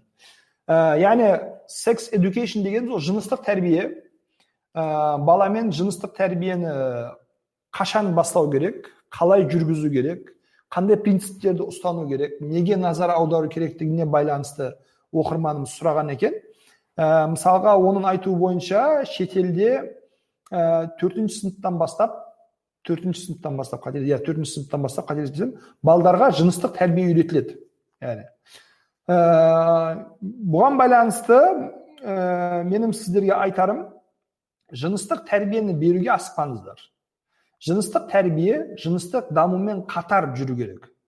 Яғни ә, әлі өзінің ұл ма қыз ба екенін дұрыс түсіне алмаған балаға жыныстық тәрбие жыныстық қарым қатынас бойынша тәрбие беру білім беру дұрыс емес. Ә, уақытына уақытынан бұрын берілген тамақ адамды қалай тұншығып қалуына себеп болатын болса қақалып қалуына себеп болатын болса уақытынан бұрын берілген білім де солай болу керек. Батыстағы өкінішке орай батыстағы бүкіл жыныстық тәрбие ә, айналып келген кезде түбінде құрметті қыздар балдар сіздер енді переходной возраст ә, пубертатный период деп айтады бұған. Яғни жыныстық даму ә, кезеңі. Ә, қыздарда 9-10 жастарында басталады ұлдарда 12-13-14 жастарында басталады. Яғни ә, белгілі бір физиологиялық ә, белгілері бар өзгерістер бар. Соған қарап уже жігіт болып жатыр уже ә, кішкентай қыз бала ә, подросток болып жатыр қыз болып жатыр әйел болып жатыр. Яғни үйленсе баласы бола алатындай халге келіп жатырды. Жыныстық дамуды ә, білдіреді. Ә, батыстағы жыныстық тәрбие айналып келген кезде құрметті қыздар балдар сіздер кейбір кезде бір біріңізге влечение болуы мүмкін. Бұл вполне нормально. Сен қызсың сен ұлсың. Бірақ бір біріңізбен жыныстық қарым қатынасқа түскен кезде пожалуйста презерватив қолданыңыздар өзіңізді сақтап жүріңіздер ерте көтеріп қоймаңыздар ә, деп мәселені соған алып келеді. Бірақ ә, дұрыс жыныстық тәрбие бұл ә, баланың яғни қыз болсын ұл болсын жалпы баланың өзін физиологиясын тану деп білу керек. Өзінің физиологиялық тұрғыдан тану. Яғни мен қызбын мен ұлмын менің бойымда қандай өзгерістер болып жатыр бұл өзгерістер неге байланысты болып жатыр? Осыған ұл балдарға әкелері қыз балдарға аналары уақыт келген кезде айтып түсіндіріп отыру керек. Яғни ә, айтып түсіндіріп отыру керек. Екіншісі ә, жыныстық тәрбиенің түбінде яғни дұрыс жыныстық тәрбиенің түбінде өз денеңді жақсы көру құрметтеу күту және қорғауды үйрету керек балаға. Өз денеңді жақсы көру құрметтеу менің там мына жерім артық мына жерім төмен арықпын толықпын семізбін ә, бойым қысқа ұзын ә, мысалға там ұл балдарда болады кейде жыныстық мүшесін мысалға паниковать етеді там үлкен болып қалыпты кішкентай болып қалыпты класстастарым да ондай емес неге менде мұндай деген сияқты әртүрлі ә, әңгімелер жүреді. Және өзінің денесіне деген жек көрініш пайда болады. Мен неге андай әдемі емеспін мен неге мынандай сұлу емеспін мысалға қыз балдарда болады. Біреуде емшек ерте шығады біреуде кеш шығады. Оларда неге шықты менде неге шықпады? Немесе наоборот менде неге шықты оларда неге шықпады деген сияқты. Өзінің денесін жақсы көрмейді сыйламайды құрметтемейді. Бұл балдарға стресс. Поэтому өзінің денесін жақсы көру құрметтеуді үйрету керек және қорғауды үйрету керек. Қорғауды. Қалай қорғауды үйретеміз? Ә, интимный расстояние деген түсінік бар. Интимный расстояние интимный қашықтық. Ә, не ол денеден денеден. Елу сантиметр ара, елу сантиметр арақашықтық бұл интимный арақашықтық яғни елу сантиметрге жақындаған адам егер ә, противоположный полдан болатын болса сіз өзіңізде бір жайсыздық сезінесіз бір ыңғайсыздық сезінесіз мысалға вальс билеген кезде байқауыңыз мүмкін алғашқы вальс билеген кезде балдар мысалға қатты сезінеді. Өйткені елу сантиметрден жақын противоположный пол ол сіздің личный пространствоңызға интимный пространствоңызға кіріп жатыр. Яғни интим деген нәрсе жалпы очень такое личное очень близкое өте жақын деп ә, аударылады. Сол елу сантиметрдің ішіне адам бөтен адамдарды рұқсатсыз кіргізбеуді үйрету керек балаға. Интимный пространствоның ішіне бөтен адамдарды өзінің қалауынсыз рұқсатсыз кіргізбеуді үйрету керек. Қалай үйретеміз? Балаға бұны айтудың керегі жоқ. Так қызым вальс билейтін кезде елу сантиметр былай вальс биле ә, қызым саған біреу там ұстаған бір жерлерін ұстаған кезде қарсы шық айқайла ұрыс емес. Ә, обязательно половой жерлерін ұстау да шарт емес мысалға. Дене дедік қой дене. Дене бас аяққа дейін бүкіл мүшелер бұлар дене мысалы бір денені білдіреді. Сол елу сантиметр ә, пространствоны сақтануды қорғануды үйрету үшін балаға тиіскен кезде баланы ұстаған кезде рұқсат алу керек рұқсат алу керек қызым қолыңды берші балам жүр сені құшақтасам болады ма келіп менің алдыма отырсын отыруды қалайсың ба кәдімгі бетпе сүйінші деген сияқты сөздермен баладан рұқсат алу керек егер бала ой мам қойшы сүймеймін там немесе ой пап қойшы құшақтамашы жақындамашы не хочу деген кезде ата әжесіне айту керек ту әжеке сүйе бермеші там бермеймін қолымды жатпаймын сендермен деген кезде осы моментте баланы түсіністікпен қарап құрметтеу керек. А все хорошо балам. Яғни если сен қаламасаң біз сені құшақтамаймыз. Если сен қаламасаң біз сені сүймейміз. Если сен қаламасаң біз сені ұстамаймыз да даже тиіспейміз де. Өйткені бұл сенің денең. Және сенен рұқсатсыз ешкім оны ұстауға рұқсаты жоқ ешкім оны ұстауға құқығы жоқ. Кішкентай кезінен осындай иммунитет қалыптасқан балдар жыныстық даму кезінде өсу кезінде әсіресе противоположный полмен өзін еркін сезінеді. Өзін ұстай алады. Сәл жақындатқан кезде тоқта ары тұр жақындама қашықтық ұста деп өзін қорғай алатын болады.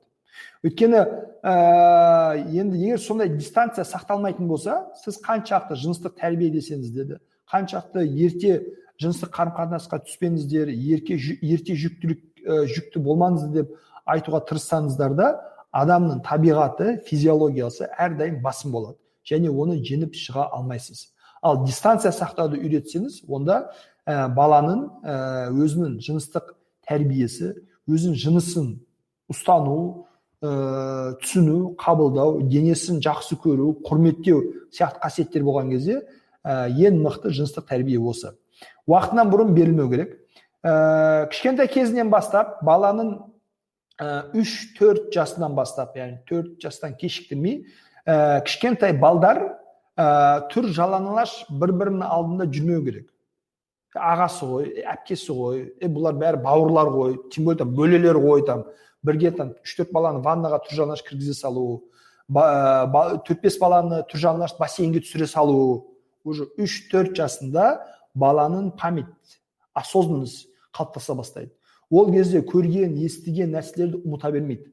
Ол қазір бала ретінде мысалы түржан наш мысалға бес жасында алты жасында шомылып жатыр суға түсіп жатыр. Бірақ ертең он екі жасына он үш жасына келген кезде сол фантазиялар сол ескерт сол картинкалар ә, памяттен оянады. И уже өзінің әпкесінің түржанаш халі есіне түскен кезде былай қараған кезде или өзі қыстап ыңғайсызданады өйткені непонятный неприятный сезімдер оянуы мүмкін. Уже әпкесі бір қыз ретінде бір әйел ретінде ә, сезімдер әбден оянуы мүмкін. Поэтому сондай фантазиялар сондай картинкалар есте, есте қалып қоймас үшін ә, үш төрт жастан бастап балдар бір бірінің алдында түр жалаңаш жуынбау керек шомылмау керек. Шомылдырдыңыз бәрі іш киіммен трусикпен плавкамен шомылады мысалға.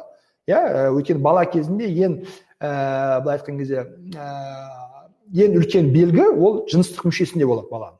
Дене жалпы бірдей болуы мүмкін қатты айырмашылық жоқ. Бірақ именно жыныстық мүшесінде үлкен айырмашылық болады. Поэтому ә, жуындырған кезде бірге жуындырасыз іш киіммен жуындырасыз. Егер жыныстық мүшелерін жуу керек болған кезде сен қарамай тұр біреуін жуынып алдыңыз кейін шығарып тастадыңыз. Екіншісі противоположный полдарда бірдей полдар болса да солай істеу керек. Енді сен келіп отырып жуын деп жыныстық мүшелерін жуындырып киіндіріп жасау. Жататын кезде ұйықтайтын кезде бөлмеде міндетті түрде киім ауыстыру бұрышы болу керек. Ә, бес алты мың теңгеге мынандай нелер бар? Ширмалар бар специальный ширмалар. Жиналады ашылады жиналады ашылады сондай форматта. Немесе шкафтарды қойған кезде артынан кішкене бір қуыс болатын бір орын қалдыратындай форматта перестановка жасап балдардың ә, енді сол жерге кіріп бір бірінің алдында көрінбей киім ауыстыра алу әдетін дағдысын кішкентай кезден қалыптастыру керек. Осылардың барлығын үйретсеңіздер онда балаңызға ең жақсы ең мықты жыныстық тәрбие берген боласыз. Ал подростковый возрастта подростковый возрастта келіп мен ана балаға ғашық болып қалдым мен мына қызға ғашық болып қалдым мен мынаны ұнаттым ә, деп өзінің сезімдерін білдірген кезде онда балаға не істеу керек? қолдау көрсету керек. Және мүмкін болғанша мүмкін болғанша бұлардың жалғыз қалмауын қадағалау керек. Жалғыз қалмау керек. Ал жақсы күшті кім екені қызды? Шақыр біздің үйге қонақта болсын. Келіп залда отырыңдар. Келіп үйде болыңдар. Келіп есік алдында жүріңдер. Немесе а жас қайда барасың? Кафеге барамыз. Жақсы адам көп жерде барсын. Жалғыз қалмауға тырысын. Жалғыз қалмауға ә, қалған кезде енді подросток болғандықтан ә, гормондар ойнап тұрғандықтан ә, кішкентай кезінде бағана айтылған дұрыс тәрбие берілмесе онда ә, жағымсыз нәтижелерге алып келу мүмкін. Ә, көп қыз балдарда ә, мысалға қыз балдардың ерте жаста зерттеулерге сүйенетін болсақ қыз балдардың ерте жаста ә, жыныстық қарым қатынасқа түсуі әсіресе өзінен бірнеше жас үлкен ұлдармен жыныстық қарым қатынасқа түсуі бұл әкелермен қарым қатынастың нашарлығының белгісі. Әкесі жоқ немесе әкесімен қарым қатынас дұрыс емес. Сондықтан ә, әрдайым бір ер кісінің сүйіспеншілігі ер кісінің вниманиясы ер кісінің комплиментін аңсап жүреді сағынып жүреді іздеп жүреді. Және соны жаман ойлы ұлдар әсіресе өзінен жасы үлкендер болған ұлдар осындай жыныстық қарым қатынасқа алып келу мақсатында қолданады. Окей? Ә, жақсы құрметті көрермендер енді сіздің комментарийлеріңізге өтейік. Ә, бағанағы бері не жазған екенсіздер? Так так так так так так так.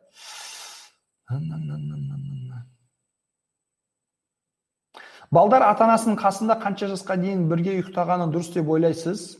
Ә, екі жасқа дейін. Екі максимум төрт жасқа дейін. Ә, негізі екі жастан бастап уже ә, емшектен ә, айырасыз бөлесіз.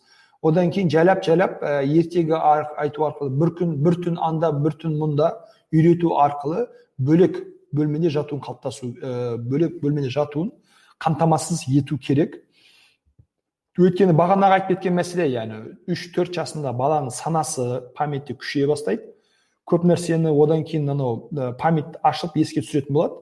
Поэтому әке шешесімен жатқан кезде әке шешесінің ашық шашық жатқанын көру немесе енді ерлі зайыптар болғаннан кейін төсек қарым қатынасын жыныстық қарым қатынасын бала оянып қалып көріп қалды естіп қалды байқап қалды. Сол сәтте не болып жатқанын түсінбейді білмейді бірақ өскен кезде төрт жасында болған оқиғаларды картинкалардың барлығы ояна бастайды. Сондай психологиялық травма беру қаупі болғандықтан баланы екі жастан бастап бөле, бөле бастау керек. Төрт жастан кешіктірмей уже бала бөлек бөлмеде емін еркін жата алатын болу керек. Ә, қыз баланың ересек жаста ата анасынан бөлек тұруына көз қара қалайсыз? Қазақ менталитетіне сай ма? Жоқ менталитетіне сай емес. Ә, не қыз бала не ұл бала. А а ересек жаста ересек қыз бала ересек жаста ата анасынан бөлек тұруын а бөлек тұрсын бөлек тұрсын иә. Қыз бала ересек жаста ә, ата анасынан бөлек тұрып есейіп өзінің өмірін қалыптастырып белгілі бір жауапкершілік ала алатын жаста.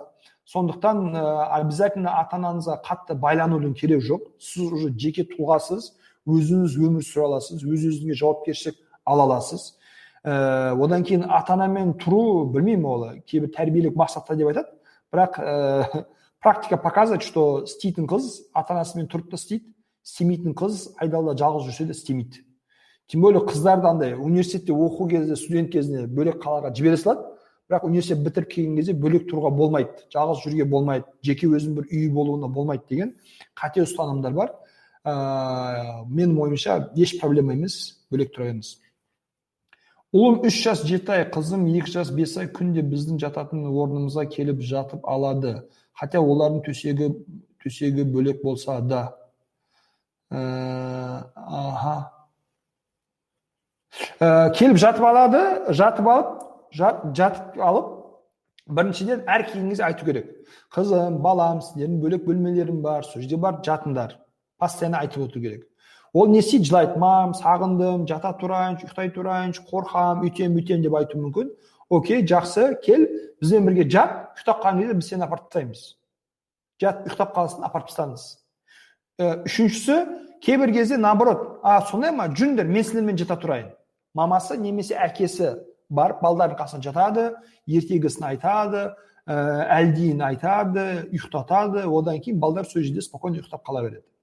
Төртіншісі балдардың өз бөлмелерінде ұйықтау үшін бөлмені соған қарап әсемдеу. Мысалға қыз бала болатын болса ана постельді қыздарский розовый постель беру о менің постелім менің кроватім менің төсегім ә, бөлменің бір бұрышын соған сәйкес бояп қою. Ұл болатын болатын болса сондай постель дайындау. Кроваткасын әдемілеу өзінің бұрышын әсемдеп қою өзінің бір жеке бір угологы бар екенін сезіндірсеңіз онда ол мынау менің төсегім мынау менің бөлмем деп көбірек қызығатын болады. Сізге дайректке жазған едім жауабыңызды күтіп отырмын ну думаю что жауап бердім білмеймін мен егер өткізіп қоймаған если я не упустил но келген бүкіл сұрақтарды оқуға жауап беруге тырыстым ә, балалық шақтан өкпе нағашы әжем немерелерін ұл бала қыз бала деп өте қатты бөледі солай бөлініп өстік ұл бала шаңырақ иесі деп сол ағаларымыз бен інілеріміз бізбен әлдеқайда жоғары қоятын біздер қыздарға ұрысып та ұрып та жіберетін ұл бала немерелеріне шаң жұтпайтын соншама ұзақ жыл өткен соң келіп тұрсақ та аса мейірім көрсетпейтін пустое место сезінетінбіз өзімізді. Қыздардың өмірі қиын дейді. Өте ұзақ жалғаған екен. Сіз мүмкін болғанша сұрақтарыңызды қысқа нұсқа жазсаңыздар қазақтардың ұл баланы қыз баланы артық көруі қаншалықты дұрыс дұрыс емес? Яғни не то что қазақтар? Любой жерде ә, ұлды қыздан артық көру қызды ұлдан артық көру ешкімді ешкі еш баланы ешкімнен артық көруге болмайды. Ә, жалпы гендерлік тұрғысынан ер азамат пен әйел кісі бірдей тең тең құқылы біздің тең мүмкіншіліктеріміз бар. Біз ә, бірдей мүмкіншіліктерге иеміз ие болуымыз керек. Оқу жұмыс істеу үйлену ажырасу бала тәрбиелеу бизнеспен айналысу бүкіл салаларда ә, ер кісілердің істейтін любой жұмысын әйел кісі істей алады. Даже кейбір жерде одан да жақсы істейді. Әйел кісінің істей алатын көп жұмыстарын ер кісілер де істей алады. Кейбір кезде әйелдерден де жақсы істейді. Сондықтан ондай бір гендерлік айырмашылық гендерлік ондай ұстаным болмау керек. Әжеңіз өте үлкен қателік жасаған. Ә, енді кешіресіз кешірмейсіз білмеймін. Қаласаңыз кешіріңіз қаламасаңыз кешірмеңіз. Но бұны қатты ойлап порицать етпеңіз просто забейте бұған. Енді сондай заман адамдар болған екен. Самое главное сол қателікті өзіңіз қайталанбау. Өйткені қандай ортада қандай семьяда өсетініміз қандай ата ананың баласы болатынымыз біздің қолымызда емес. Мы не выбираем родителей дейді. Бірақ қандай ата ана болатынымыз біздің қолымызда. Өзіміздің балаларымызға қара, балаларымызға қарай. Сондықтан сол қателіктер сол травмаларды ұмытпаңыз есіңізде ұстаңыз. Не үшін? Соларды қайталамау үшін. Атақ бұл дұрыс емес. Ә, жалпы ә, біздің қоғам ә, мойындау керек өте патриархалды қоғам. Ә, ұлттық салт дәстүр тұрғысынан болсын патриархалды ә, діни тұрғыдан болсын патриархалды саясат экономика әлеуметтік тұрғыдан болсын өте патриархалды. Сондай бір қоғамбыз. Ә, сондықтан құрметті ә, біздің қарындастар құрметті әпкелер құрметті апалар ә, өзіңізді біл өзіңіздің біліміңізді жетілдіріңіз өзіңіздің құқықтарыңызды қорғаңыз өзіңізді бүкіл салада жетілдіріп дамытып жұмыс істеңіз. Сіз өзіңіздің құқықтарыңызды қорғамасаңыз ешкім ешкім не әкеңіз не ағаңыз не күйеуіңіз сіздің құқығыңызды қорғамайды. Ей сен қыз болсаң да сен де адамсың ғой міне саған ал саған үйт бүйт деп айтпайды. Сондықтан оқу арқылы білім алу арқылы жетілдіріп даму арқылы өзіңіздің құқықтарыңызды қорғауыңыз керек. Мүмкін бүгін қазір соны істеу қиын болуы мүмкін бірақ қазір біздің жетіп отқан жетістіктеріміз біздің алдымыздағы апаларымыздың күресі. Біздің бүгінгі күресіміз ертең біздің қыздарымыздың ә, немерелеріміздің ә, жақсы таза ә, қоғамда өмір сүруінің үлкен бір не болады? Күрестің нәтижесі болады. Сондықтан әрдайым күресіңіз талап етіңіз сұраңыз ізденіңіз оқыңыз. Ешқашан андай умный дурочка болмаңыз ә, білесіз ба білем деп айтыңыз білмейсіз ба білмеймін деп айтыңыз. Қазір интернет бәріне ашық. Инстаграмды тек қана андай кім не жейді екен не киді екен деп қарамай артистердің өмірлерін аңдымай қайтаға пайдалы контент пайдалы мәліметті оқып өзіңізді әрдайым дамытып отырыңыздар. Окей? Психологты тыңдаған сайын неге қиын бола түседі? Ә, жақсы сұрақ. Енді қандай психологтарды тыңдайтыныңызды білмеймін. Өмірді қиындататын психологтар бар өмірді жеңілдететін психологтар бар. Ә, мен туралы айтып жатсаңыз ә, білмеймін мен вроде андай бәрі доступно просто жеңіл айтуға тырысамын өмірді оңай қабылдаңыздар ә, деген ұстанымда боламын көбінесе. Ә, поэтому ә, поэтому ол тұрғыдан ә, бір проблема көріп тұрған жоқпын. Ал егер ә, мысалға мына жағынан сіздің сұрағыңызға жауап беруге болады ә, сіз мысалға белгілі бір нәрселерді қате істейсіз дұрыс емес дейсіз және маман келіп е мынау қате мынау дұрыс емес бұны былай істеу керек деген кезде өзіңізді өзгерту қиын. Өзіңізді қате, қайта тәрбиелеу қиын. Зома комфортадан шығып осознанно ата ана болу керек екен осознанно әйел болу керек екен осознанно күйеу болу керек екен осознанно әке болу керек екен өзімді жөндеу керек екен былай лағып жүргенім болмайды екен деп сізге еске түсіреді да. Поэтому ол тұрғыдан өмір кішкене қиындайды. Бірақ әрбір қиындықтың соңында керемет жеміс болады керемет нәтиже болады. Ютубта ұзақ коммент жазылмайды екен. Иә 200 символға дейін жазылады. Поэтому мүмкін болғанша қысқа нұсқа жазыңыз немесе екі комментариймен жазсаңыз болады. Саламатсыз ба ержан аға менің қызым жоқ. Ұл балаларды үй жұмысына көмектесуге үйреткен дұрыс па? Мысалы үйді сүртуге. Конечно! Яғни ол қыз бала болған кезде де болмаған кезде де ұл бала қараңыздар құрметті көрермендер ешбір салада ұл бала қыз бала деп бөлуге болмайды. Ұл бала ә, бұл жерде тек қана физикалық физикалық яғни күшінің жетуі әлінің келуі мәселесін ұстану керек және жалпы моральдық принциптерді ұстану керек.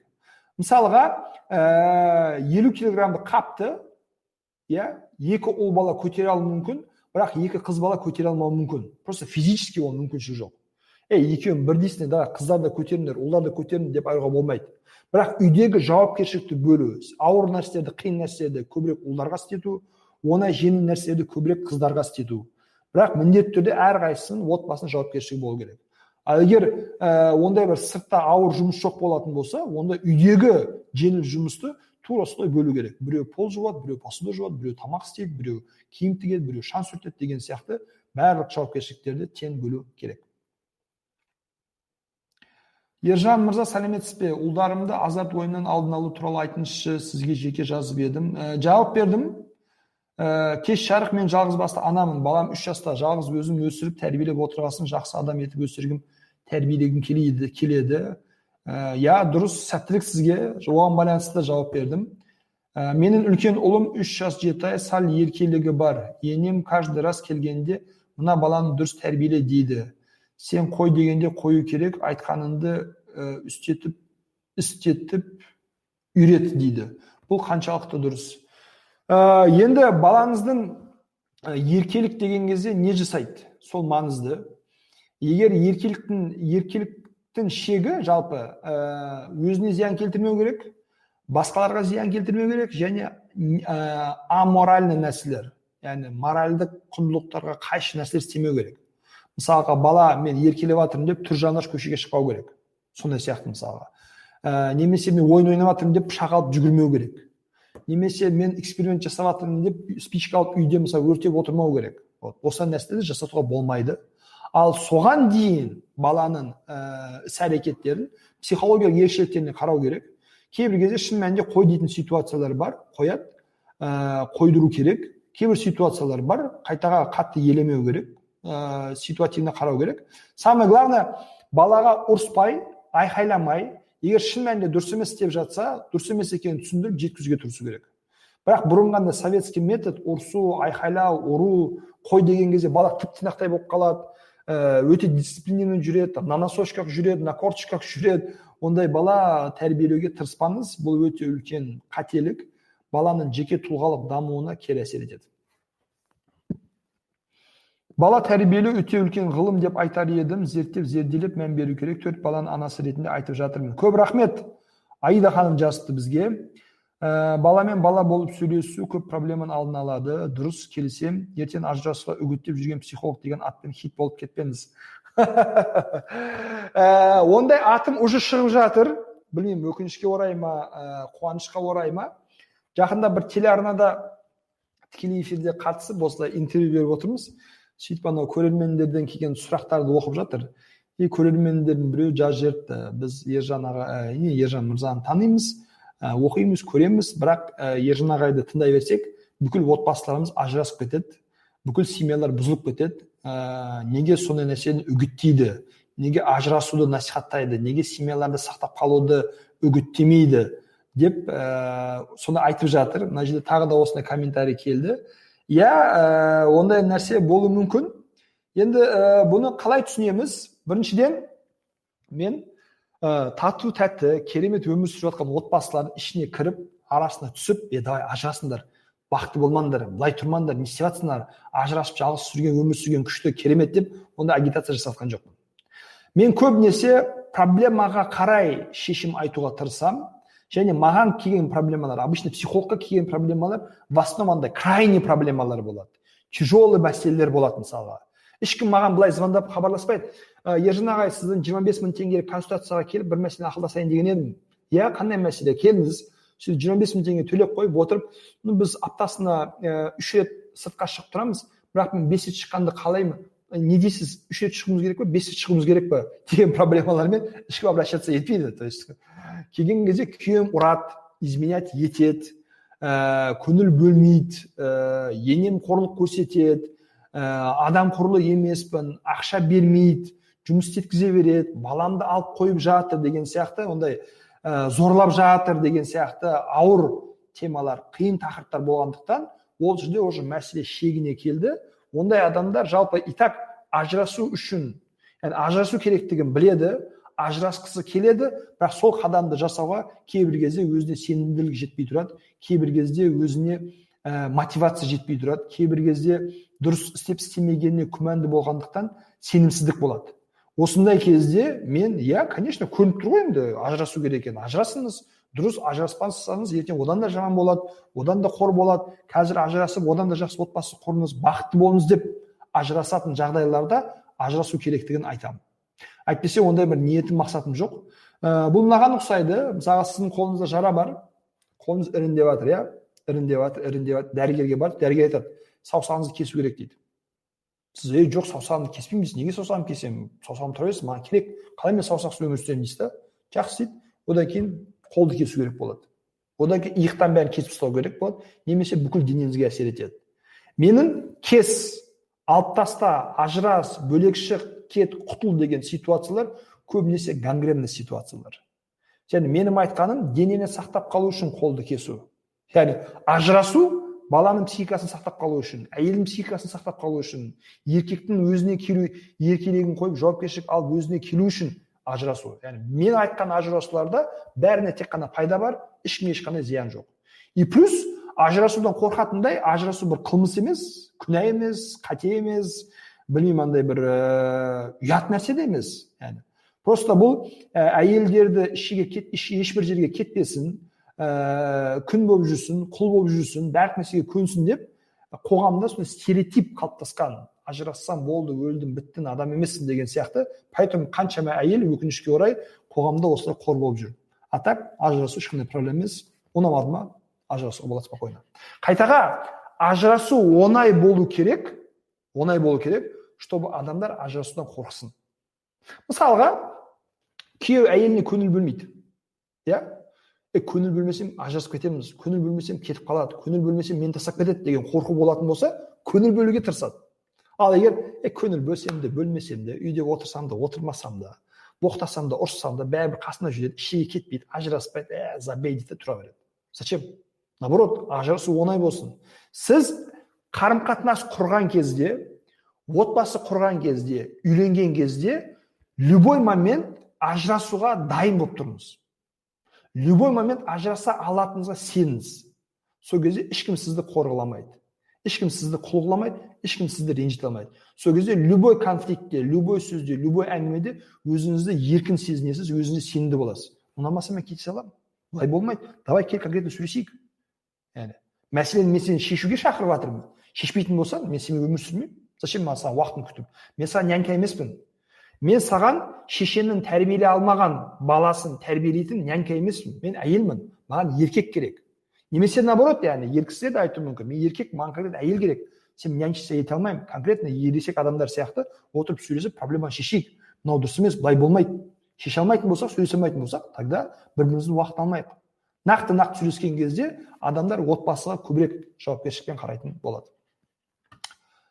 Ә, керемет керемет керемет деген ә, рахмет тыңдай бергім келеді өте керемет болып жатыр бітіреміз қазір үйде көп адам тұрамыз енем қайныларым бәрі баламды мен бос емес кезде ұрады мен оның бұзық болған кезде қасына жүгіріп барып ұрып ұрысқым келмейді ұрыссам тек енем сөзі үшін ұрысам балам үш жасар роза деген оқырманым жазған екен құрметті роза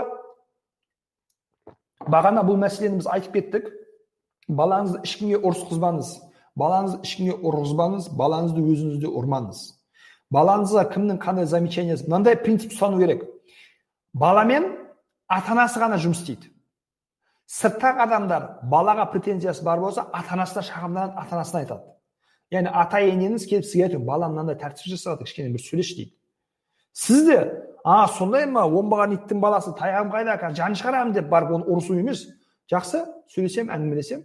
Одан кейін оңашада асықпай спокойно баланы жеке алып балам бағана есік алдында мынаны төгіп қойыпсың бағана есік алдында жаман сөз айтып қойыпсың бағана есік алдында әпкемізге былай ыыы ұрысып жіберіпсің тамақ төгіп тастапсың неге істедің не болып қалды бәрі жақсы ма деп сөйлесу керек. Яғни ұрысу мақсатында емес баланы түсіну мақсатында. Баланы түсінгеннен кейін ондай ситуацияда олай істеме былай істе деп альтернатива ұсыну керек. Болмаған иттің баласы тамақ төгуші болма жүгіруші болма ойнаушы болма емес. Оны істеме бірақ не істе? Қандай альтернатива қандай вариант? Соны айтып отыру керек. Сіздей керемет психолог болғым келеді. Рахмет рахмет. Ондай керемет бір психологпын деп өзімді ойламаймын. Қолымнан келгенше білгенімді айтуға тырысып жатырмын. Көп нәрсені сізден үйреніп жатырмын. Менің ойымша ертең бастасаңыз спокойно менен де жақсы психолог боласыз.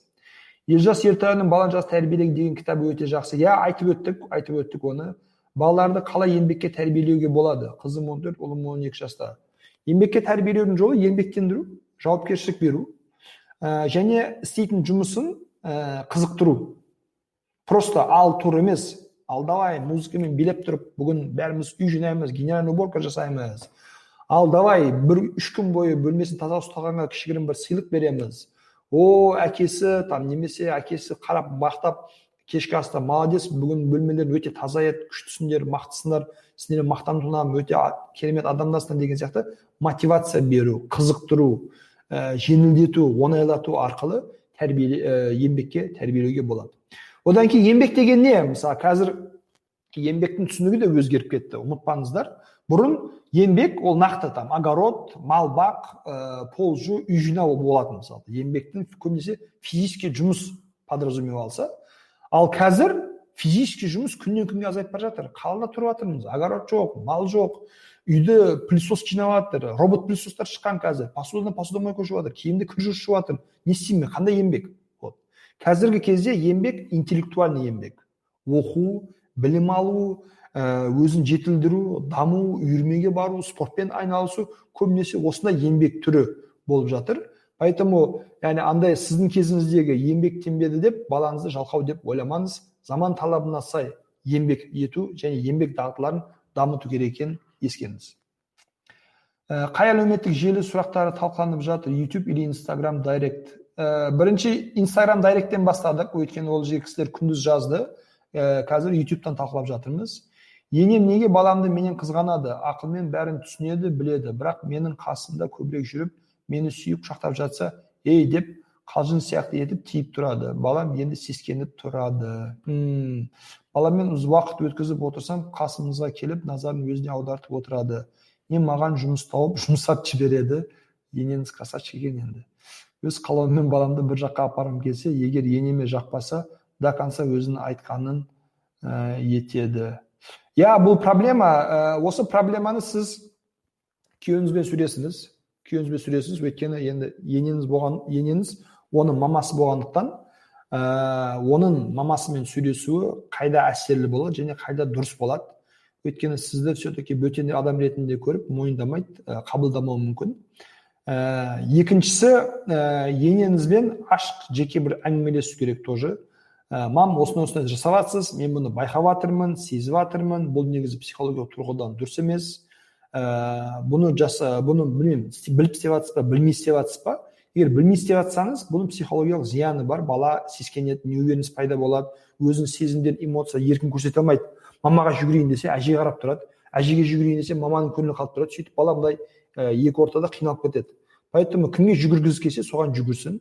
Со своей стороны со своей стороны. Мен сізге айтайын мен баланы алып кетпеймін. Ә, мені жақсы көру арқылы сізді жақсы сізді жек көріп кетпейді. Мен сізге ешқандай қарсылығым жоқ. Сізбен емін еркін аралассын ойнасын күлсін уақыт өткізсін. Бірақ мен анасымын. Бұны ұмытпаңыз. Менің рөлім әрдайым бір қадам жоғары болады. Баланың тәрбиесі дисциплинасына ең бірінші мен жауаптымын. Мен қазіргі таңда баламен дұрыс қарым қатынас құруым керек. Сол үшін осы салада сізден ә, көмек күтемін сізден қолдау күтемін сізден түсінушілік күтемін деп бір ауыз сөз ескертіп айту керек. Ютуб жақсы екен. Иә жақсы. Ә, мен негізі сізге көп сұрақ қоямын тек проблеманы жазам бірақ шүкір отбасыммен бақыттымын. Сіз маманы болған соң кейбір жауабын үйреніп одан да бақытты болғым келеді. Алдын ала алып дұрыс дұрыс. Гүлнұр ханым өте дұрыс жазғансыз керемет. Мен и так біріншіден маған келген дайректтегі хаттарды комментарий жазған адамдарды мен жеке ешқайсысын танымаймын. Сол үшін а мынандай проблемасы бар екен мынандай қиыншылығы бар екен деп ойламаймын да ол маған керегі де жоқ. Екіншіден ә, адам өмірінде бір проблема болуы бүкіл өмірі жаман және бақытсыз екенін білдірмейді. Ә, осындай проблемаларды ұстана отырып спокойно адам бақытты да бола алады. Тек қана мына проблеманың ә, жауабын іздейді шешімін іздейді.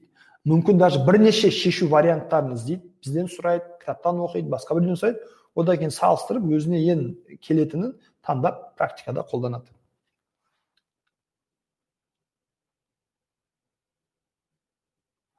балам ауырады менің кармамнан ба ә, нұрбол мырза жоқ бала кармасын айтыңызшы карма марма деген нәрсе жоқ карма марма деген нәрсе жоқ әр адам өзі жеке тұлға әр адам өзі жеке индивид әр адам өзінің жеке өмірі бар ешкім біреудің қателігі үшін біреудің күнәсі үшін біреудің жамандығы үшін жауап бермейді әркім туылған кезде сәби пәк таза болып туылады және әркім өзінің ерік жігерімен өзінің өмірін құра алады окей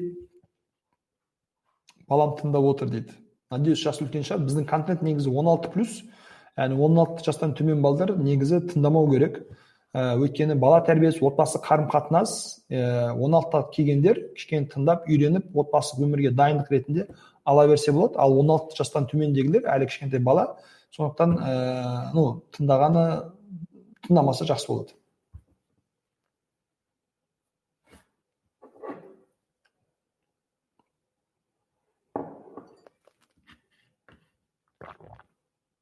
Мхм. Ютубқа жазған сообщенияларға неге жауап берілген жоқ? Ә, жауап беріп жатырмын ғой қазір. Қазақпыз бұндай ұят деу дұрыс емес. Ата ана айту керек қыз балаға менен яғни анамнан басқа ешкім ұстауға қарауға құқы жоқ деп айтамын мен. Ұл балаға да солай.